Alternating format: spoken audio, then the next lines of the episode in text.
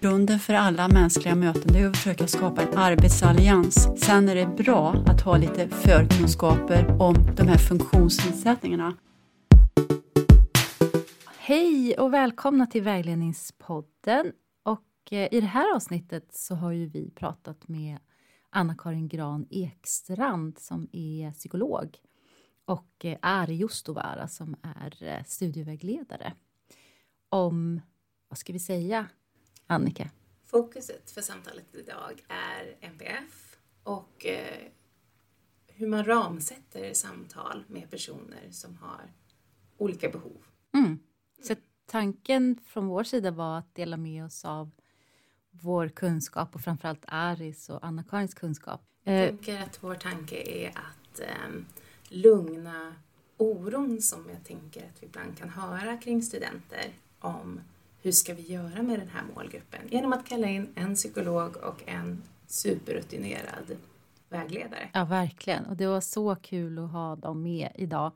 Eh, båda är så otroligt erfarna och så kloka personer tycker jag. Ja. ehm, skulle ni ha några frågor till oss på Vägledningspodden eller önskemål? Det här är det sista avsnittet vi kommer sända den här terminen. Ja, Eh, Så kan ni säkert vår mejl utan till vid det här laget. Vagledningspodden at gmail.com. precis. Och ha en jätteskön sommar nu. Hej då, trevlig lyssning. Hej och välkomna till Vägledningspodden. Idag har vi med oss Anna-Karin. Hej! Hej! Och vi har med oss Ari. Hej. Och idag ska vi prata om vägledning eh, med personer som har NPF. Men först så tänker jag att ni kan få introducera er. Anna-Karin, vem är du? Ja, jag heter Anna-Karin Gran Ekstrand, är legitimerad psykolog och specialist i klinisk neuropsykologi. Neuropsykologi är vetenskapen om relationen mellan hjärnans funktioner och beteenden. Och eh, jag har ganska mycket på min palett vad jag gör yrkesmässigt. Men en av sakerna jag gör är att jag jobbar som skolpsykolog. Eh, Förutom att jag har egen firma och gör lite andra saker också. Lite kortfattat. Mm. Välkommen hit. Tack så Väldigt mycket. kul att ha dig här. Ja, kul att få komma hit. Och Ari, vem är du? Hej. Studieyrkesvägledare sedan 91. Hej och hå, det är eh, länge sedan. Jag har eh, alltid eh, jobbat eh, med ungdomar som inte har sprungit på motorvägen brukar jag säga. Det vill säga de har haft eh, behov av att eh, gå lite andra vägar. Men nu jobbar jag på en grundskola i Stockholm. Och eh, där eh, även eh, ungdomar som behöver lite snitslade banor finns. Så. Just det. Och det är väl det som är temat idag, hur vi jobbar med klienter, elever som kanske behöver lite mer snitslade banor. Kan vi säga så? Ja. ja. Ja. Och MPF sa jag lite slarvigt. Vad betyder MPF? Vem vill ta den bollen? Ja, det är ut, NPF det är väl ett eh, paraplybegrepp för utvecklingsrelaterade funktionsnedsättningar som intellektuell funktionsnedsättning, autismspektrumtillstånd, språkstörning, ADHD, eh, motoriska svårigheter. Eh, Men jag tänker att gemene man när de säger NPF då tänker man kanske primärt på autism och ADHD. Men säcken är ganska stor egentligen. Ja, det ingår fri, i, Ja. enligt då diagnosmanualerna så är ju eh, i det, i det begreppet så ingår såna utvecklingsrelaterade funktionsnedsättningar som finns i barndomen. Det är alltså inte psykiatriska tillstånd utan en funktionsnedsättning som har en neurobiologisk grund. Men vi pratade ju lite om det innan. Vi har ju haft ett sånt här förträff som vi brukar ha i den här podden. Om att eh, jag kan i alla fall uppleva att de här diagnoserna har ökat i skolan. Och vad har ni för tankar om det? Vem känner sig, vem vill börja?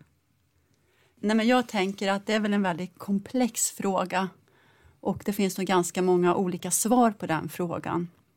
Som neuropsykolog så, är jag, eh, så handlar det ju hela tiden om kognitiva förmågor eller tankeprocesser. Eh, och där är vi olika.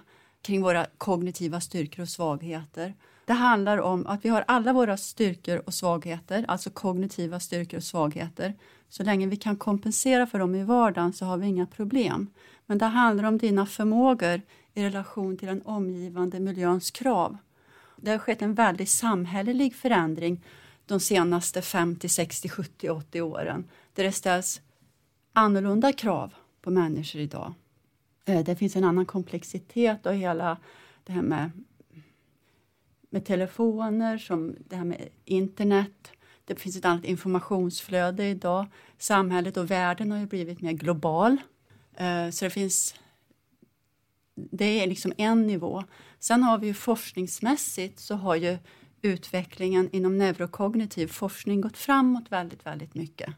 Som gör att vi har andra svar och förklaringar till svårigheter än vad vi hade tidigare, kanske på 60, 70, 80-tal. Så en slags förfinad eh, ja. diagnostisering eller vad man ska säga? Ja, mm. och sen så har vi då kanske att eh, jag, jag kan ju liksom jag, det är svårt att liksom förklara varför det precis har blivit som det har blivit. Men jag tänker också, vi kanske har en läroplan som ställer väldigt höga krav mm. eh, på vissa kognitiva förmågor som, är, eh, som rör frontala exekutiva funktioner som har med vad ska vi säga, den inre dirigenten att göra, att skapa en röd tråd, orsak och verkan, eh, att reflektera, resonera, analysera.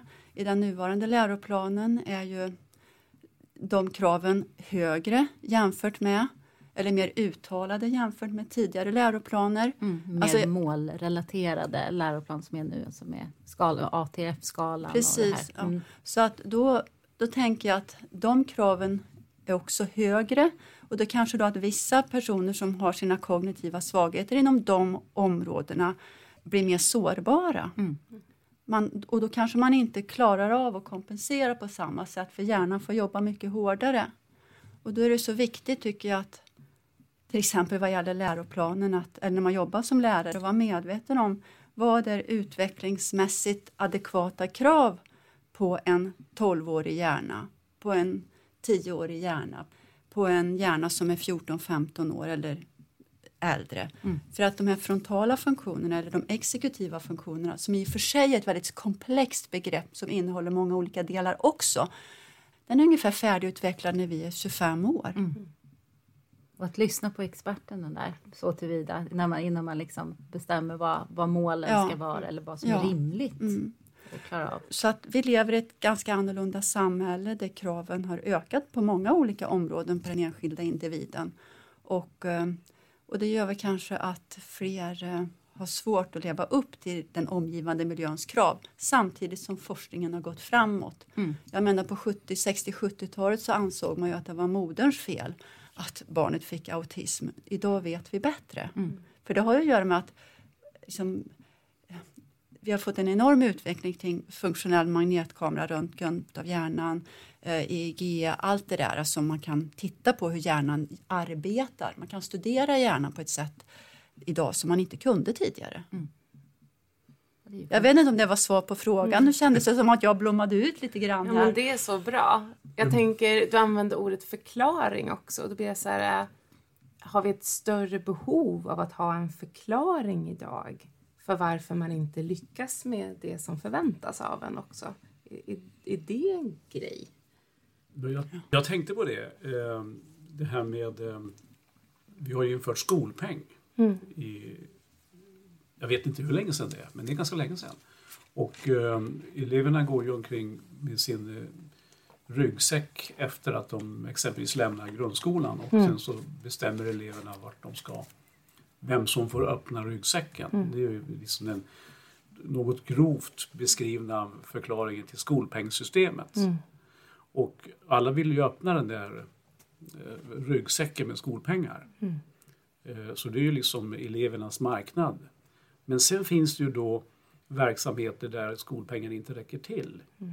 Som är anpassade för barn och ungdomar med eh, MPF-behov. Eh, och då finns det ju då en möjlighet att, eh, eller möjligheter, det är en realitet, att vissa verksamheter kräver att de ska ha en diagnos för att kunna få till sig Mm. mer, kunna fylla på det elevernas ryggsäck med mer pengar Mm. från de som är utbildningsansvariga, det vill säga hemkommunerna. Mm. Och det har jag tänkt på ibland. Kan, har det också, är det också en bidragande orsak till att eh, diagnoserna har... Mm. Det har blivit så mycket fokus på diagnoser. Mm. Men i övrigt så tänker jag, det som du pratar om Anna-Karin, det... Jag tänker på... Jag är sådär OMPF-ig, eller tvärtom.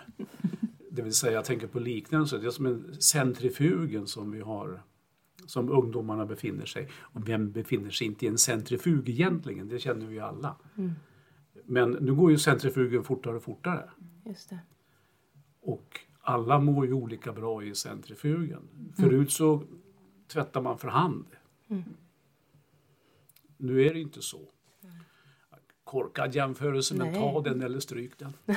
Nej, tycker det var jättebra. Jag tänker också mycket i liknelser och i bilder. Just att det du beskriver och som ni båda beskriver som jag hör är ju att det finns flera orsaker till, till det här. Alltså ökningen som, som man har sett. Just dels det där med skolpeng som du sa också att, att det blir ett incitament att liksom sätta diagnos. Men det verkar också åt andra hållet att föräldrar måste liksom gå till den, alltså de, de behöver själva driva det och för att deras barn ska få hjälp som de kanske skulle kunna fått ändå tidigare. Alltså med mindre grupper och sådana saker. Det är intressant ändå för att enligt då skollagen så där är ju skollagen klockrent tydlig att bara för att du har en diagnos, så, för i skolan så är det så att man märker att en elev har svårigheter. Då har vi då de allmänna råden kring extra anpassningar, särskilt stöd och åtgärdsprogram.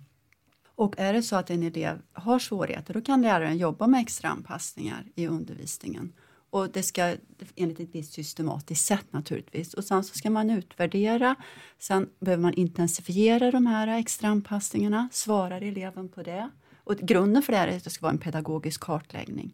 Sen så märker man att eleven inte eh, svarar på det här. Ja, då, då ska de anmäla till rektor som ska initiera en utredning ifall eleven har behov av särskilt stöd. Och när den utredningen är klar, och det ska då gå till enligt då, på ett visst sätt. Och är det så att man då fattar beslut om att eleven ska ha särskilt stöd, och då upprättar man ett åtgärdsprogram. Och är det inte så, så upp, fattar man beslut om att man inte ska upprätta ett åtgärdsprogram. Och det är så då att för det, för att liksom, det har ingenting med diagnos att göra. Så bara för att du har en diagnos så är det inte faktiskt säkert att du enligt skollagens mening har rätt till särskilt stöd. Så diagnos är ingenting, för de här särskilt stöd och åtgärdsprogram ska vara kopplat till, till kunskapskraven i Lgr 11. Så det har ingenting med diagnoser, så bara för att ha diagnoser har du inte säkert att du har rätt till hjälp. Okej. Så att, men jag vet inte varför det är så, så, sånt, varför det har blivit sånt här tryck på diagnoser. Och sen överhuvudtaget kring det här med diagnoser, apropå det här med att det är en väldig diagnostisering idag. Som jag har uppfattat det. Jag har inte tillgång till någon statistik. Det enda jag vet det är att jag fick uppgifter om att i, just i Stockholmsområdet så är den procentuella andelen som har en, uppfyller kriterierna för en autismdiagnos. Det har ju ökat jämfört övriga och ligger högre jämfört övriga landet. Och vad det beror på, ja det vet jag inte men jag tycker det är intressant. Men just att eh, det finns så mycket andra man, man kan jobba med i den tillgängliga lärmiljön som är bra för elever med kanske koncentrationssvårigheter men som är bra för allting annat, för, för alla andra elever. För det som gagnar en elev är oftast bra för de flesta. Precis. Så det. Så det finns så mycket man kan jobba med i den pedagogiska kontexten och i den tillgängliga lärmiljön. För vem är det som bär problemet när en elev har svårigheter i skolan? Är det eleven som bär problemet eller är det ett pedagogiskt problem? Mm. Precis. Och då måste vi jobba i den pedagogiska verksamheten. Men det visar ju också forskning, nu kommer jag inte ihåg vad de forskarna heter, men det är sedan många år tillbaka att man har gjort studier på elevhälsoteam, i elevhälsoteam. Och från att en elev märks till att man pratar om en diagnos går jättesnabbt. Det är sällan man pratar om vad ska man säga, är det, det didaktiska Mm. eh, som det heter i de här teamen. Och då tycker jag också att det är spännande det du säger. Att också eftersom diagnoserna ökar så känns det också som att fler identifierar sig med sin diagnos. Jag har ADHD eller jag är ett ADHD-barn liksom till och med. Eh, eller har autism. Och när det kanske inte ens är det som är grejen. Att det är identitetsbaserat utan det är kanske är den här centrifugen som du pratar om Ari. Som kanske är mer påverkad av att det är svårt att leva upp till det som förväntas. Och som neuropsykolog så tycker jag att det finns ju barn, ja, de lider ju verkligen av, av sina, att de har en kognitiv, att de har en funktionsnedsättning som är utvecklingsrelaterad, som lider och far väldigt illa. Och därför är det viktigt att de uppmärksammas och att de får det stöd och hjälp de behöver. Och jag ser ju diagnosen är ju viktig att få, Därför det ger dig också samhälleliga rättigheter. Har, får du en autismdiagnos, ja men då kan du få rätt till LSS. Och- Får du en ADHD, ja då kan du få rätt att prova mediciner för att reglera dopaminsystemet. Eh, för att få det att funka bättre. Men man, man måste också jobba i den pedagogiska miljön. Så att för vissa kanske det hjälper med att man jobbar väldigt systematiskt i miljön för att stärka förmågorna. Medan för andra så behövs det ytterligare insatser. Och, en, och i och med att det är en spektrum, alla de här, det är ju så att vi neurotypiska som inte har diagnos, eller jag brukar kalla oss för UDT-are utan diagnos tills vidare. Eh, vi har ju, jag tänker de som får diagnos, eh, som, de har ju vi har ju alla våra kognitiva styrkor och svagheter. Så länge vi kan kompensera så har vi inga problem i vår vardag. Eh, och vi hittar olika kompensatoriska strategier. Men för vissa så funkar ju inte det trots att de försöker. Och då gör man en utredning och ställer diagnos. Men man bör ju vara medveten om när det gäller den individuella variationen inom de som uppfyller en diagnos är väldigt, väldigt stor. För det är i stort sett de diagnostiska kriterierna är beteendediagnoser. Man går på symptom väldigt mycket. Men bakom symptomen finns en hjärna som processar och bearbetar information. Och utifrån ett neuropsykologiskt tänk så har vi en viktig del i utredningen, i alla fall när jag gör dem, det är att kartlägga elevens kognitiva styrkor och svagheter. För att få en individuell förståelse, att man ska bli kognitivt medveten om sig själv. Förut, gör jag en neuropsykologisk utredning så ser den olika ut för olika personer med samma diagnos. Så kan man då, även om man, oavsett om man jobbar med en vuxen eller jag jobbar med en vuxen eller när jag jobbar med barn och utreder och ungdomar, att det viktigaste målet för mig det är att jag får en, en kognitiv medveten om just den här individen så att vi kan jobba med strategier för att kunna möta eleven. Sen så kan man kalla det någonting. Man kan sätta en rubricering och det är det som är diagnosen. Och för mig så blir det mer en administrativ grej. För det är inte det viktigaste för mig. Eh, utan för mig är det att man ska bidra till en förståelse som sen kan vara till nytta och underlätta. Så tänker jag kring utredningar. tycker jag låter klokt. Mm. Det viktiga i skolan idag är måluppfyllelse. Och, eh, och det här med eh, att eh, man ska anpassa den pedagogiska eller lärmiljön för alla. Man ska, jag tror att det är väldigt få skolor idag som inte går igenom de här stegen som du berättade om. Eh, Så. Men det finns en annan sida där. Finns det en risk att elever som har hög måluppfyllelse på grund av att de är starka eh, kognitivt men har, lider väldigt mycket i centrifugen. Men de blir aldrig de får inte stå i pipelinen för det är kö till utredningar. De, de blir aldrig utredda, inte i alla fall på grundskolan så länge de har betygen med sig. Och då mm, får de ju inte samma möjligheter till stöd sen till exempelvis universitetsstudier. Nej, det. Så det det är lite... Det finns en annan sida där också. Ja, det finns väl kanske både, en, om jag förstår dig rätt Harry, att det finns både en överdiagnostisering kanske och en underdiagnostisering. Är det så jag ska förstå? Att, ja. Mm. Ja, men jag har ju haft flera sådana utredningar på unga vuxna som har klarat skolan bra. Men så lä lämnar de skolan och börjar på universitetet, kanske flyttar hemifrån. Och då har utvecklar de vad jag kallar för sekundära pålagringar. För då klarar de inte, då får hjärn, de kör lite grann på treans växel i 120 och det orkar man ett tag. Men sen så tar det slut, så åker topplocket och man orkar inte kompensera och det påverkar den psykiska hälsan negativt.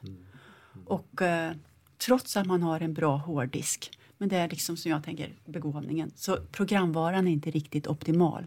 Och då kan ju en utredning hjälpa till, men då kan det vara oftast lång kö till utredningar. Eh, och jag har ju träffat på unga vuxna som har underpresterat egentligen utifrån sin faktiska kapacitet när de har till exempel en uppmärksamhet och koncentrationsproblematik med svårigheter med egen planering och organisering. Trots att de är väldigt, faktiskt ganska begåvade, alltså de har eh, en hög begåvning. Men det är programvaran som sätter käppar i hjulet. Så de, som jag brukar säga till föräldrar eller till personen själv, du vet att när du, för dig är det så här att när dina kompisar åker i skidspåret då får du köra bredvid med dina längdskidor och ska hålla jämn fart. Mm. Men med den här utredningen så ser jag att du har, du har svårigheter med det här. Du har en bra hårddisk, du har liksom bra material men du behöver få liksom en bättre valla. Och, och medicineringen, då kan, om du prövar medicinering, om det handlar om en ADHD, så, så kanske du kan sätta det i skidspåret och då kommer du säkert köra ifrån alla andra också. Få mer fart. Kan- Underbar Ja. liknelse. Ja, och jag har varit med om riktiga solskenshistorier i den bemärkelsen.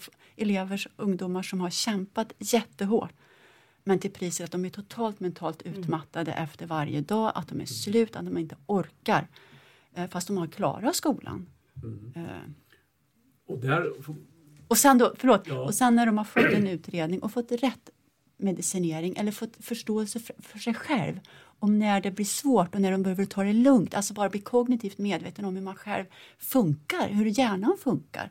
Aha, nu är det en sån här situation, ja, nu behöver jag bara sätta mig ner och tänka lite, inte stressa på här.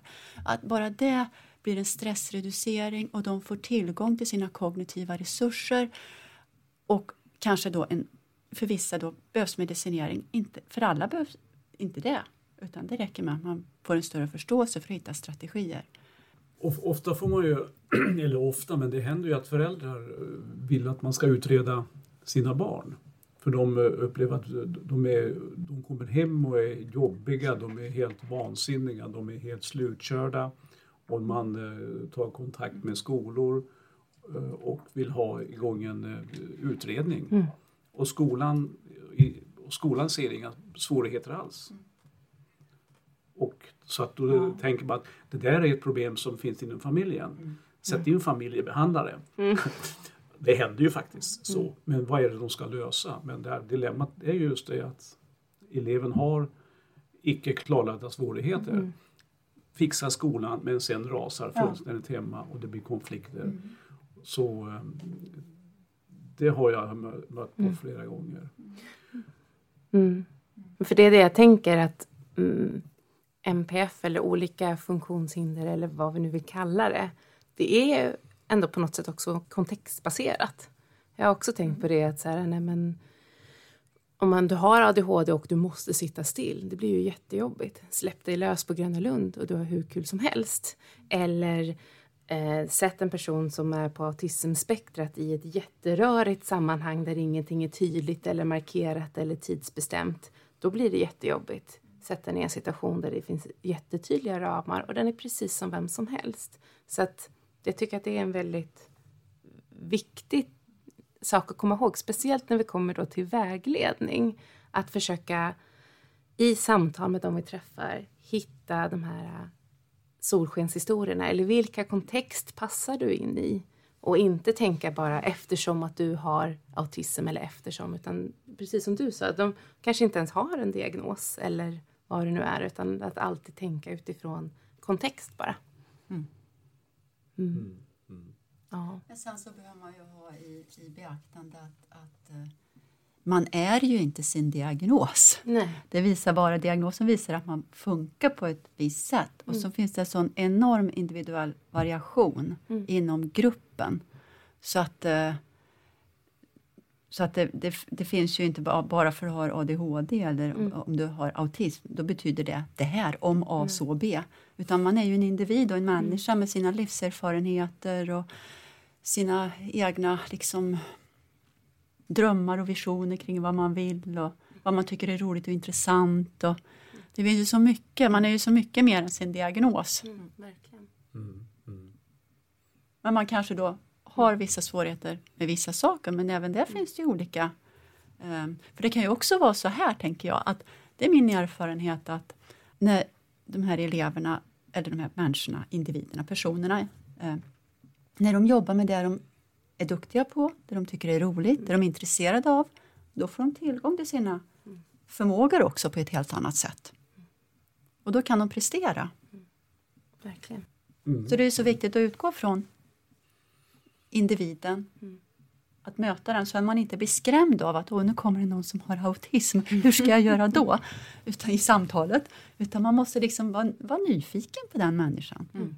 Den utgångspunkten. Ja. Liksom.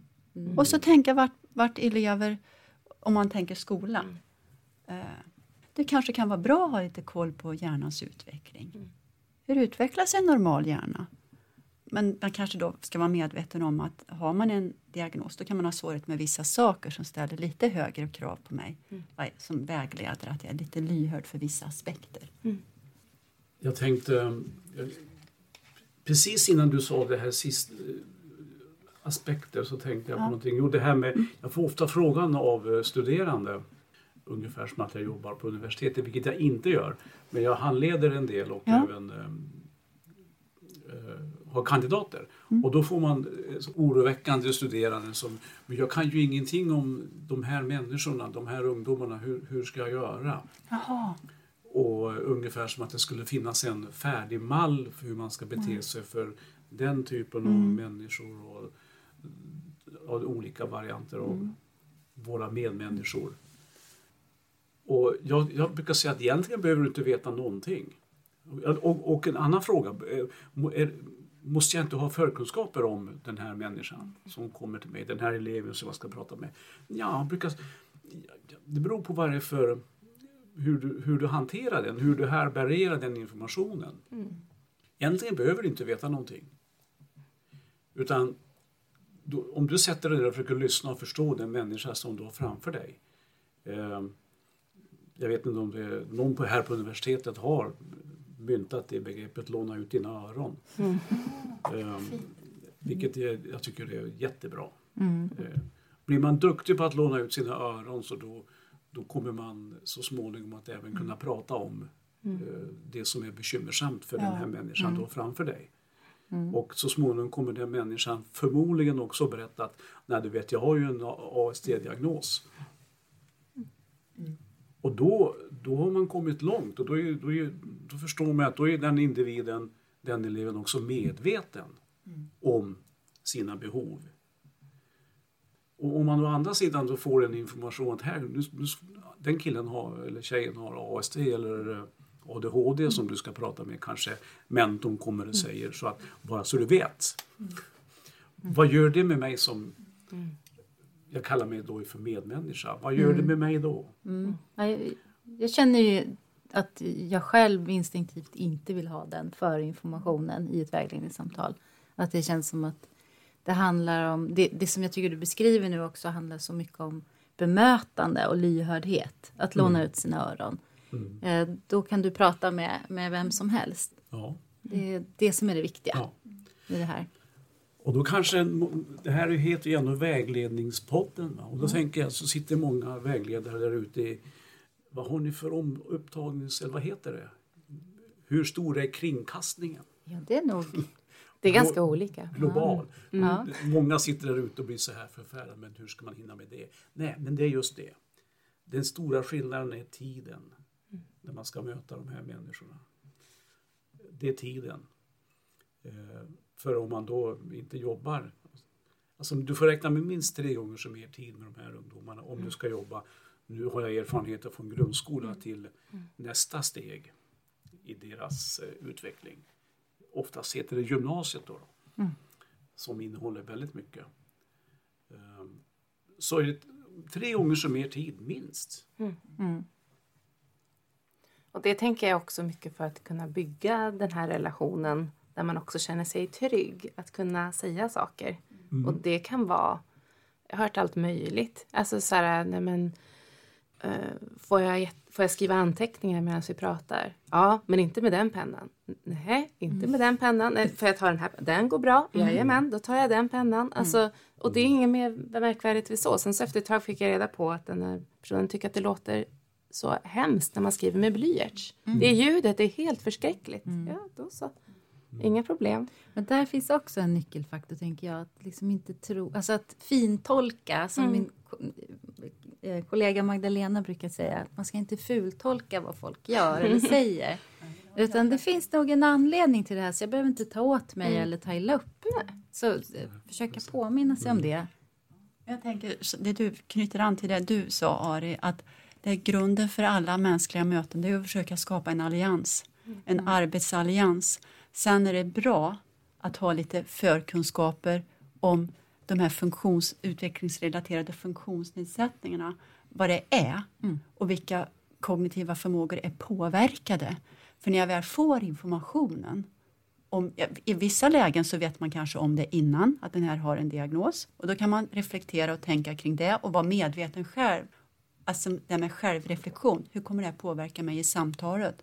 För jag ska, mitt uppdrag är att genomföra ändå det här samtalet med en viss målsättning. Men i vissa fall så kommer man ju inte veta det. Men det, successivt och så småningom kommer det fram. Och då kan man liksom bottna i, ja men det betyder det här. För det här är oftast en, en svårighet. Men när, om det väl kommer fram under samtalet då, då kan det väcka en nyfikenhet och inte vara så dramatisk kring det. Hur ser det ut för dig i din vardag? Precis. Och att jag tänker att de som har diagnoser, som har fått diagnoser och högstadiet, det är en väldigt jobbig period för det ställs så extremt höga krav på exekutiva förmågor. Både vad gäller enligt läroplanens kunskapsmål men också på egen planering i sin vardag. Man ska ha fler lärare, det är rörigare rent generellt så det ställs högre krav. Och då en viss grupp av de som har ändå en NPF de har ju haft väldigt, väldigt många skolmisslyckanden. Och kanske en mer negativ självbild och dålig tilltro till sin egen förmåga.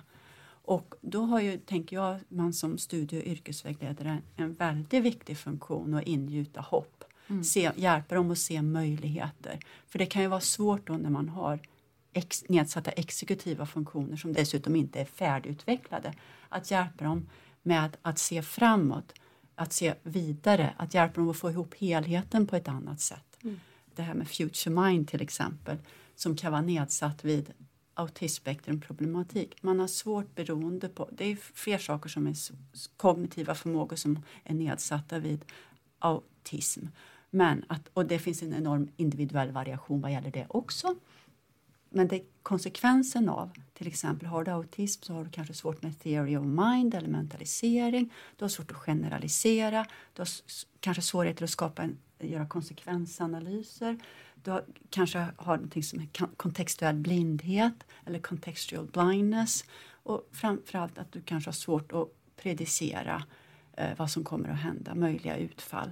Och där kan man, ha som, jag tänker jag som studie och yrkesvägledare, ha en jätteviktig funktion och skapa en röd tråd framåt genom att stressreducera och få ordning och skapa ett sammanhang, en mening. Och grunden för det, eller ja, en röd tråd, liksom. men grunden för det är att man har en, en relation som bär. Att man känner tillit. Och att framförallt att syvaren kan ingjuta hopp. Mm. Men det gäller ju alla liksom, elever i skolan. För de är ju, de här frontallobsdirigenterna är ju under utveckling. Precis, och jag ska få hela orkestern att spela ihop. Men just att då, och just det där alla valmöjligheter som finns idag, bara det leder till en stress. Men har du en diagnos så kan du bli mer sårbar. Din, din hjärna blir lättare kanske kognitivt utmattad eller uttröttad. Och en, en kognitivt uttröttad hjärna som leder under för stor stress kan bli, få en utmattning i, i, till slut. Så det, och då, kan, då blir det extra viktigt vad, vad, man, vad man gör i det här samtalet. Jag tänker när jag hör dig också att det låter som att eh, lägga pussel i Ja. någon mening. Att hjälpa till och lägga det där pusslet. Ja. Ja, och jag tänkte att jag ska återkomma till det här pusslet för det, det är också ett spännande begrepp. Nu ska vi lägga ett pussel för dig. Eller du ska lägga ett pussel, jag kan hjälpa dig. Men först måste vi identifiera hur ser pusselbitarna ut? Precis. Ja. Hur ser dina pusselbitar ut? Och så jobbar vi med det. Men innan vi kommer dit så har man, det här med inledningen är ju viktigt. Vi snackade tidigare om, om man egentligen är ju kontentan av det vi snackade om tidigare att det spelar ingen roll. Du kan låna ut dina öron till en medmänniska oavsett eh, om du har förkunskaper eller inte om, om diagnosen.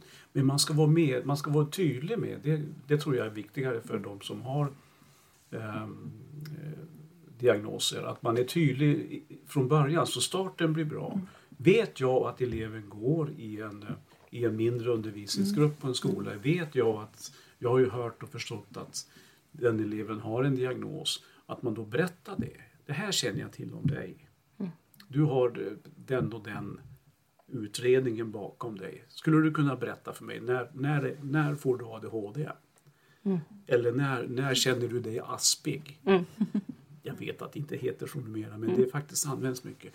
Så den inledningen är ju viktig att man liksom sätter det på bordet så inte eleven sitter där och funderar på Undrar om den där Harry vet vem jag är egentligen. Och så blir det, då blir det inget bra möte.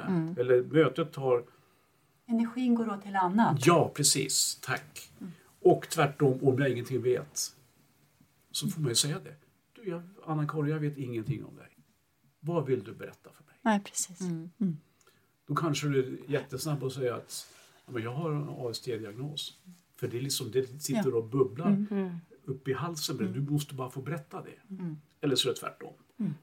Men det spelar ingen roll. Du måste liksom ha det ödmjuka förhållningssättet till en början. Och det är väldigt bra tänker jag för då ger man kontrollen till tonåringen. Ja. Och det är så viktigt att tonåringar känner att de har kontroll och att de har en utväg. På något sätt att de kan ha en viss, viss påverkan på samtalet, att de kan vara med och hålla i det på något sätt. Mm. Och de, de förstår att så småningom att det sitter någon och ly, lyssnar på mig här.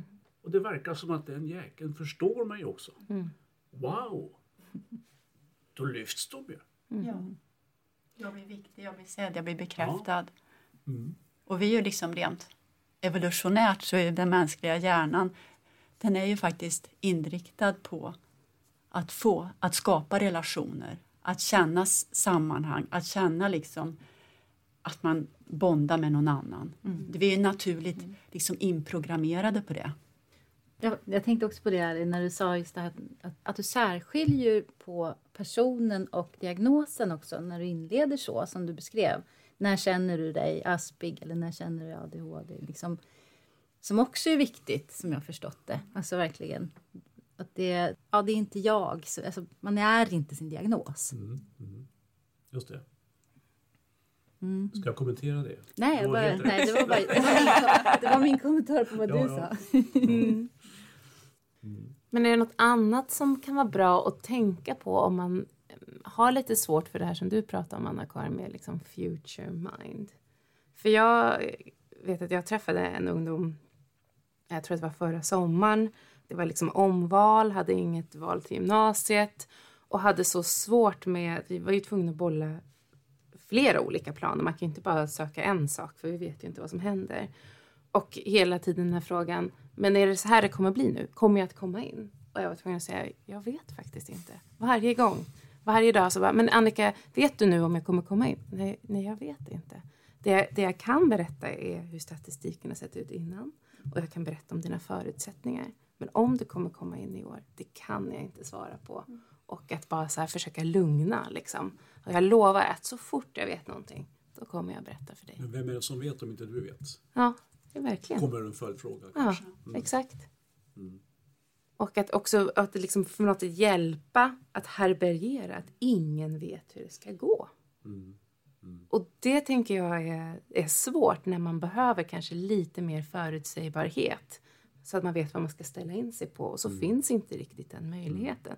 Det är svårt för alla, men det är kanske mer kritiskt för vissa också.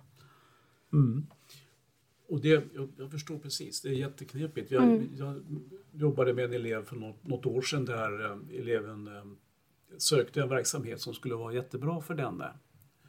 Och efter första ansökan så kom det besked att den skolan, den inriktningen skulle inte finnas kvar. Och då resulterade ju att eleven blev hemma resten av terminen. Eh, Och eh, det vart ju distanskontakter då. då. Eh, Så det, var, hade ju jättestor påverkan på den elevens framtidstankar.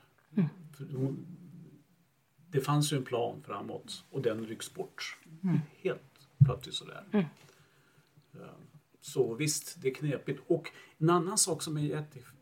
På, på tal om det här med, med framtiden. Det är att, eh, förut kunde man ju utverka, märk ett ord där, utverka ett besked eh, från exempelvis resursskolor om att men, den här eleven kommer att passa oss, så vi kommer nog ta in den.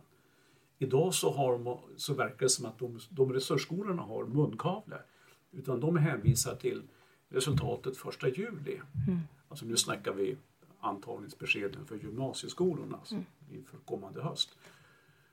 Och det skulle man inte kunna vara lite mer flexibel där. Men nu är vi inne på teknikaliteter som vi inte kan rå över än. Nej.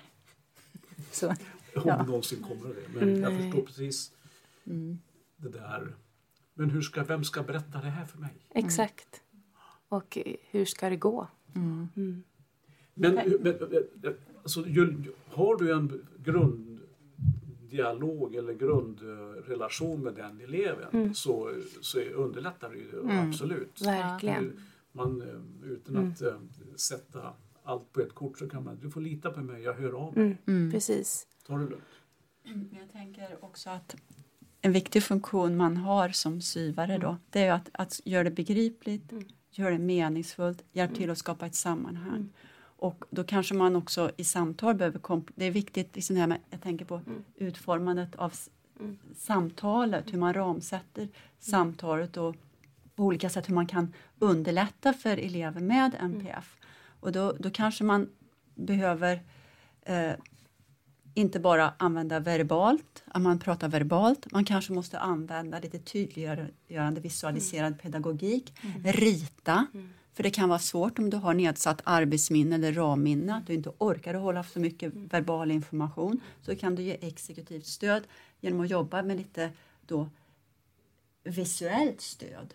Att du ritar så här blir det. Och så kan man göra plus och minuslistor och man kan, det finns många olika praktiska sätt att och eh, skriva ner anteckningar som eh, eleven får med sig eller får någon uppgift att kontrollera så man upplever att man har någon kontroll. Eh, och försöka stressreducera, hitta vägar och stress, eller sätt att stressreducera. Eh, för just den här specifika individen utifrån dens behov. Och för övrigt vad gäller upplägg och genomförande av samtal så tänker jag att ni syvare har ju, alltså det är en jättefin utbildning på vad gäller samtal. Det är ju liksom, som syvare är man ju proffs på det. Och, eh, och då är det bara att utgå från dem i vad gäller då planering och genomförande av samtal. Att genomföra utifrån den kunskap, alltså dels den teoretiska grund man har utifrån den praktiska, lite mer kliniska erfarenhet man har om man får säga så. Eh, och sen kalibrera lite grann utifrån, man kanske behöver bygga på lite grann med, med det här med NPF-kunskaper så man kan lättare, så man har en beredskap för hur, vad, vad kan vara viktigt att tänka på? Vilka verktyg behöver jag ha tillgång till? Det är ungefär som pedagoger i skolan, de måste ha en bred verktygslåda eller en stor verktygslåda så de kan anpassa utifrån individ och grupp liksom i kombination. Utifrån de de har i klassrummet, de elever de har i klassrummet så är det väl också i, i, eh, i alla möten med de som syvare gör. Och det är som samma sak för mig. Jag måste ju också se vad är det för person jag har framför mig. Hur får jag etablera kontakt? Eh, Men jag måste ha någonting att hålla mig i, ett ramverk också som hjälper mig som stöd i samtalet. Verkligen. Det ni lär er, liksom, det ni jobbar med på hela utbildningen. Och så förfinar man det under ut, i sin yrkesliv ytterligare. Till slut så sitter det bara där och man bara plockar fram det. eh, ramverk. Det viktigaste är att alla måste rymmas i det där ramverket. Vi är tillbaka till det här med individualisering och se människan. Mm. Det, är, det är svårt då. Skolan är ju fyrkantig. Jag brukar tänka att vi har ju massa små färgglada bollar som kommer och hoppar och skuttar men bollar ryms inte i små fyrkanter. Och då måste vi trycka till dem och då spricker ju de här bollarna som är, som är, av, som är ballong Karaktär. karaktär. Ja. Så det, men återigen inledningen där är ju viktig när man då liksom, då kan man ju diskutera med den, den som har den framför sig. Hur länge, hur länge orkar du sitta, tror du? Vad tänker du om mitt eh, rum här? Mm. Eh, är det, okej att du sitter där? Man liksom resonerar om läget och vad som, eh, och så kan man bygga på det.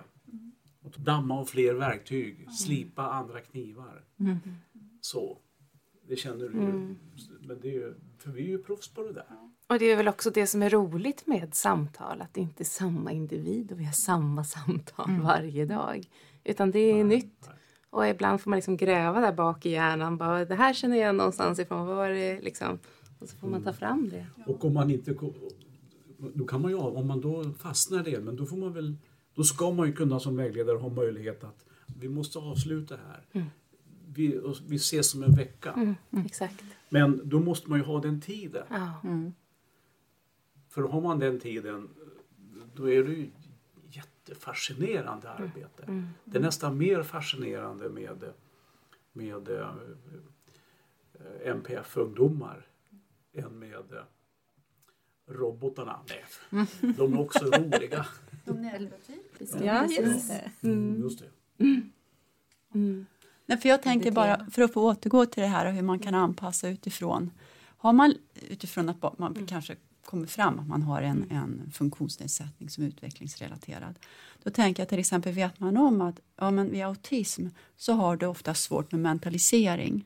Alltså du har svårt, har du svårt med mentalisering så har du svårt att förstå att andra har en annan, från mig skild, eh, liksom, kanske egna idéer, andra idéer, andra kunskaper, andra drömmar, visioner, ideologier och eh, som inte är, de är inte som mina. Och det gör att eh, man kanske inte ber om hjälp för man förstår inte att den här personen framför mig har besitter kunskap som kan vara viktiga för mig att få ta del utav. Och det har inte att göra med begåvningen liksom, utan det har med en, en, en kognitiv förmåga. Och med den kunskapen så kan jag tänka då som syvare, hur behöver jag liksom ramsätta samtalet? Eh, hur behöver jag, vad behöver jag tänka på eh, för att få den här eleven kanske att eh, ställa frågor? Mm. Jag tänker att eh, vi kanske ska försöka sammanfatta lite. Vad har vi sagt hittills? Det som jag har hört, vi får se vad ni tänker, men, men det här med omvärlden eller varför diagnoserna har ökat. Ja, det kanske är en, en omvärld som inte mår så bra och då tar sig det uttryck i, i både överdiagnostisering och underdiagnostisering. Um, jag brukar tänka att ungdomar ofta är på något sätt som en termometer i, i samhällets Ja, ni fattar. Mm. Det, det var vad jag hörde Mm. sammanfattningsvis. Och sen det här med samtalet, att det är viktigt med att fortbilda sig inom diagnoser. Det kan absolut, absolut ha nytta av, att liksom ha en förförståelse. Men ramarna och hur man kan utforma dem på olika sätt och som faktiskt man får med sig från utbildningen, de är jätteviktiga. Och att ha det här, att låna ut sitt öra. Eh, det är de sakerna jag tar med mig sammanfattningsvis. Vad tänker ni? Eleverna, många av de här ungdomarna, alla ungdomar egentligen har ju i grund och, tenderar ju att ha väldigt dåligt självförtroende inför det som komma skall och även deras vardag här och nu. Och eh, MPF-ungdomarna har väl eh, kanske ännu mer, eh, ännu mindre självförtroende. Och det är, det är faktiskt en bieffekt av bra samtal och bra relationer med de här ungdomarna är att de blir, de blir stärkta. Mm. Och, eh, och studie och yrkesvägledare där ute som är trygga i sina, sin samtalsmetodik. ska inte behöva vara bekymrade över att möta de här ungdomarna. Nej. Varför ska man vara det? Mm. Använd er av era verktyg och um, lyssna och involvera, samarbeta Mm. utifrån elevens förutsättningar så blir det fascinerande Mm. resor. Ja, men det handlar ju om att se människan Ja. och framförallt att ingjuta hopp. Mm. Att se framtiden, att se möj- hjälpa eleven att se möjligheterna som finns där. Mm. Och när möjligheten försvinner som jag nämnde tidigare, hux flux. Ja, men, era, din och elevens relation kvarstår. Ja. Det är ju inte jag som har dragit Nej. undan. Och då kan man liksom, fast det blir tre, fyra steg bakåt för den här eleven, så finns ju relationen kvar. Jag tänker där, när det blir så, ursäkta om jag avbryter, men om det blir så att eleven, det rasar för eleven, då kan man ju ändå försöka hjälpa eleven komma igen Mm. och sen hjälpa eleven att se och lära sig av den erfarenheten. Eftersom man, man kan ha svårt att skapa en röd tråd, då kan man som studie och yrkesvägledare hjälpa personen. Se, nu blev det så här. Mm. Men ser du, vi löste det. Ta Precis. med dig den lärdomen inför framtiden. Då vet du, då har du lärt dig någonting av det här. Mm. Precis. Och det är viktigt att man som vägledare ser till att man har ett sådant eh, samtal där man, eh, vad ska man kalla det för, det? Eh, sammanfattande avslutande samtal när elever lämnar just din skola. Just det. Att man tar pre- precis det du nämner, att eh, vad har vi lärt oss av det här? I det här fallet så var det jädrans berg och dalbana. Och hur tänkte du? Var har du lärt dig? Och så vidare. Så kan man skriva ner det. Mm. Så man får med sig det. Vad bra. Ja, Det men jag- känns som att vi skulle kunna sitta och prata väldigt länge. För det, det finns, det, är, det är ett stort område. Ja. Verkligen. Vi får helt enkelt bjuda in er igen. Precis. Fortsättning. Ja, jag, jag tänker på den här tråden med tid. Det tycker jag är spännande. Tid och bemötande. Liksom vad, Det finns mycket att prata kring där också. Mm. Anna-Karin och Ari, tack kom. tack. Ja, men tack själv.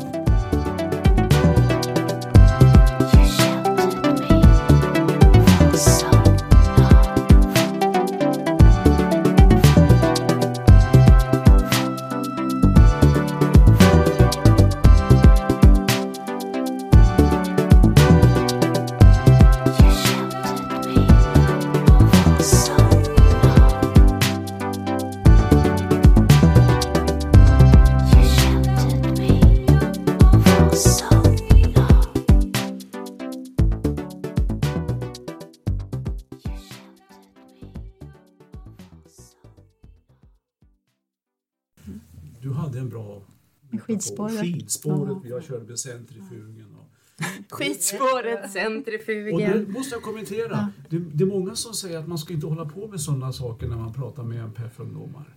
De, de, man får vara försiktig med humor och man får vara försiktig med metaforer.